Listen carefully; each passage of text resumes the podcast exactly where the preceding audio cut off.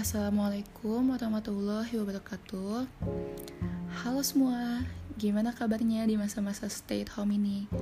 Semoga semuanya baik-baik aja ya Dan jangan lupa, tetap ikutin anjuran pemerintah Untuk stay at home Agar Indonesia bisa kembali pulih Dan kita semua bisa kuliah normal Oh iya, perkenalkan Nama saya Indah Anggrini Wijaya dari Prodi Bisnis Internasional. Kali ini saya akan membahas tentang Human Resource Management, Strategic and Analysis atau dalam bahasa Indonesia-nya adalah strategi dan analisis manajemen sumber daya manusia.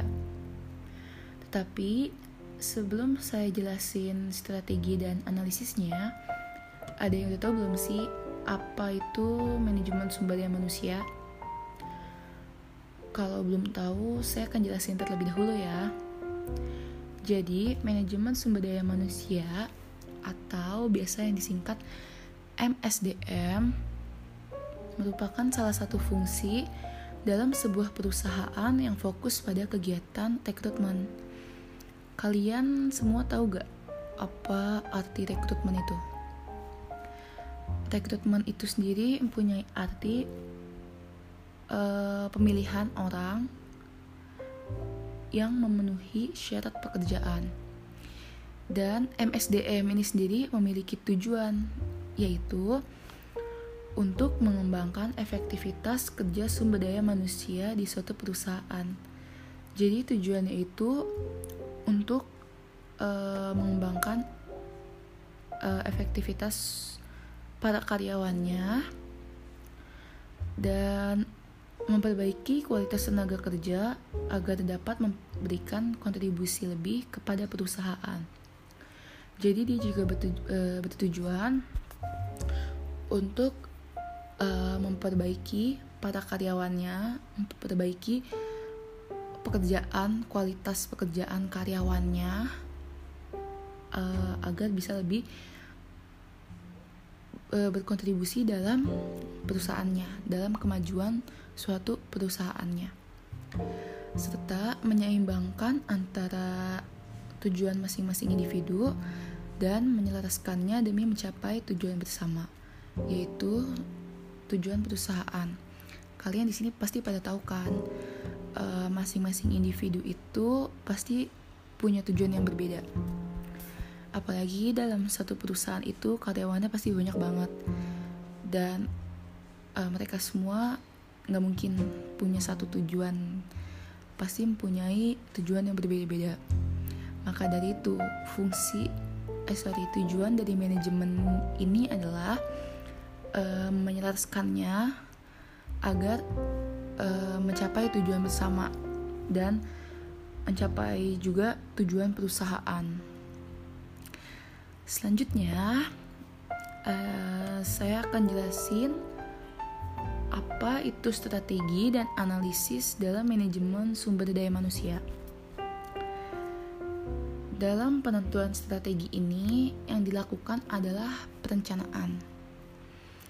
Perencanaan itu artinya suatu tindakan yang dilakukan untuk mencapai tujuan.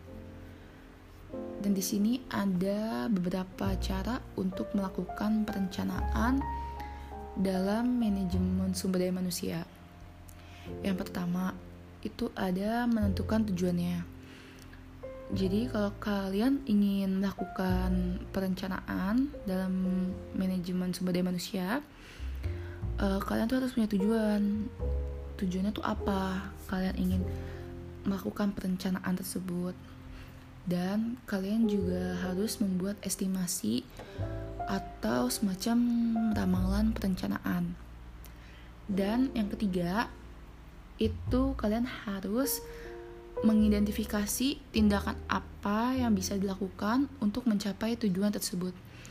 Uh, jadi kalian identifikasi nih uh, tindakan apa yang bisa kalian lakukan, tindakan apa yang bagus dan tepat untuk kalian lakukan agar tujuan itu tercapai.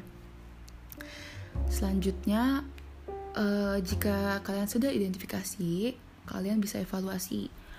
Kalian uh, bisa mengevaluasi dari semua itu kalian pilih yang terbaik mengevaluasi yang terbaik uh, dan yang terakhir itu diimplementasikan daya strateginya uh, selanjutnya ada strategic planning atau perencanaan strategis perencanaan strategis ini merupakan rencana keseluruhan perusahaan mengenai bagaimana mereka menyesuaikan kekuatan dari kelemahan internal dengan kesempatan dan ancaman eksternal yang bertujuan untuk mempertahankan keunggulan kompetitif. Dan strategi planning ini juga punya proses, jadi eh, nggak uh, bisa langsung melakukan strategic planning. Jadi kalian harus tetap melewati prosesnya dulu. Di sini ada tujuh proses strategic planning. Yang pertama itu identify the mission statement, yang artinya mengidentifikasikan pernyataan misi. Jadi kalian uh, identifikasi dulu pernyataan misinya itu mau seperti apa. Um, selanjutnya itu create a vision of the future yaitu membuat visi masa depan. Jadi kalian juga harus membuat visi masa depan. Uh, visi masa depan ini yang dimaksud adalah uh, visi yang kalian bisa gunakan, yang berguna untuk masa depan. Jadi uh, kayak misalkan uh, visinya itu ingin me menyebar luaskan suatu produk atau apa pun itu yang berhubungan dengan masa depan. Dan yang ketiga uh, itu ada develop core values and guiding principles yang artinya mengembangkan nilai-nilai inti dan prinsip-prinsip panduan. Jadi kalian juga harus dikembangkan nih nilai-nilai inti dan prinsip-prinsip panduannya itu uh, dan keempat itu ada create long term goals and smart objective uh, jadi selain nilai-nilai dan prinsip yang dikembangkan kalian juga harus membuat tujuan jangka panjang dan tujuan yang cerdas. Jadi kalian gak bisa uh, bikin asal tujuan uh, dengan tujuan yang hanya sementara gitu loh. Jadi kalian juga harus mikirin uh, kayak uh, jangka panjangnya itu seperti, uh, harus seperti apa. Dan kalian harus memikirkan juga tujuan yang cerdas agar strategic planning ini bisa tercapai dengan maksimal. Selanjutnya ada establish an action roadmap with timelines. Artinya membuat peta jalan aksi dengan garis waktu. Jadi kalian harus membuat peta jalan aksi kalian. Uh, membuat peta maksudnya adalah kayak uh, jalannya strategic plan ini mau seperti apa dengan kalian tentukan garis waktunya. Dan yang keenam adalah build a communication plan. Uh, menurut saya build a communication plan ini penting sih karena uh, jika kita ingin membangun sebuah bisnis atau kita bekerja di suatu perusahaan, communication plan ini sangat penting dan ini skills yang harus dipunyai oleh seluruh orang. Uh, karena kalau kalian mempunyai strategic uh, sorry strategic plan yang bagus tapi kalian uh, tidak mempunyai communication plan yang bagus juga itu akan percuma. Karena kunci dari strategic planning ini sendiri juga communication plan. Karena komunikasi itu penting banget sih menurut saya. Selanjutnya ada establish an implementation and monitoring plan. Di sini itu artinya menetapkan rencana implementasi dan pemantauan. Uh, untuk strategic planning segitu aja, tapi masih ada strategic management.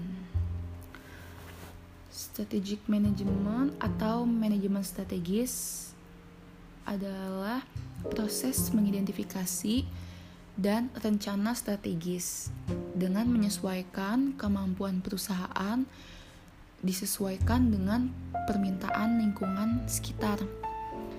Dan strategic management ini juga ada proses. Uh, di sini dia mempunyai tujuh proses, eh sorry tujuh step. Step yang pertama itu define the current business yang artinya mendefinisikan bisnis saat ini. Uh, jadi kalian harus bisa mendefinisikan bisnis apa yang sedang terjadi saat ini. Maksudnya menjelaskan gitu loh apa sih bisnis yang bisnis saat ini yang terjadi tuh bisnis apa gitu loh. Dan step kedua itu perform external and internal audit.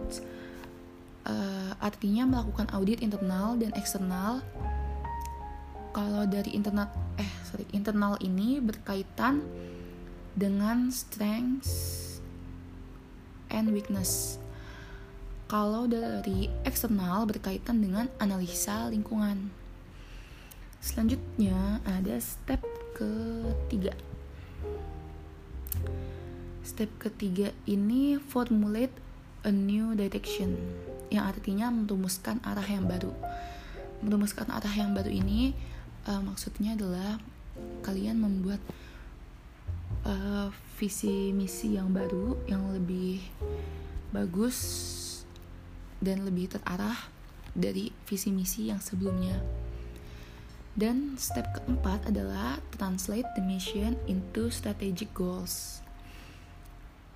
Uh, ini sama aja uh, mengkonkretkan ke dalam strategic goals. Step kelima itu ada formulate strategies to achieve the strategic goals. Uh, maksudnya ini adalah kalian memper, uh, memper, formu, kalian memformulasikan uh, strategis untuk mencapai uh, strategic goals ini gitu. Jadi ya kalian membuat semacam formula I think and step keenam itu ada implement the strategies. Dan step ketujuh ada evaluate performance. Uh, lalu dari strategic management segitu aja. Selanjutnya ada jenis-jenis strategi. Yang pertama itu ada oh ya di sini ada tiga strategi. Ya yang pertama strategi korporat. Yang kedua strategi kompetitif. Dan yang ketiga ada strategi fungsional.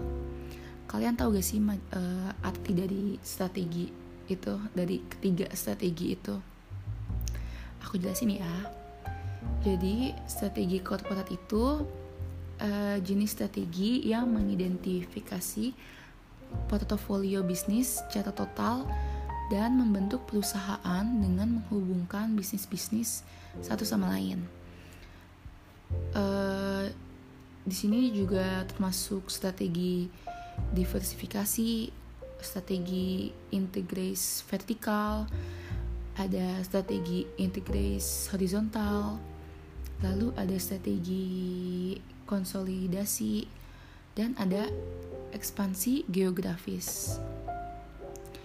Selanjutnya ada strategi kompetitif. Strategi kompetitif ini artinya strategi yang mengidentifikasi cara membangun dan memperkuat posisi kompetitif jangka panjang unit bisnis dalam pasar. Contohnya kayak kepemimpinan biaya dan diferensiasi. Dan strategi yang terakhir ada strategi fungsional. Strategi fungsional ini adalah strategi yang mengidentifikasi apa yang harus dilakukan setiap departemen untuk membantu bisnis demi mencapai sasaran strategisnya. Dan di sini ada manajemen sumber daya manusia strategis atau strategic human resource management. Yang artinya merumuskan melaksanakan kebijakan dan praktik SDM yang menghasilkan kompetensi dan perilaku karyawan yang dibutuhkan perusahaan untuk mencapai sasaran strategisnya. Uh, sepertinya cukup sekian penjelasan dari saya. Terima kasih untuk semua yang udah dengar podcast saya. Uh, mohon maaf jika ada salah-salah kata dan kurangnya materi yang saya sampaikan. Semoga bermanfaat. Wassalamualaikum warahmatullahi wabarakatuh. Dadah. thank you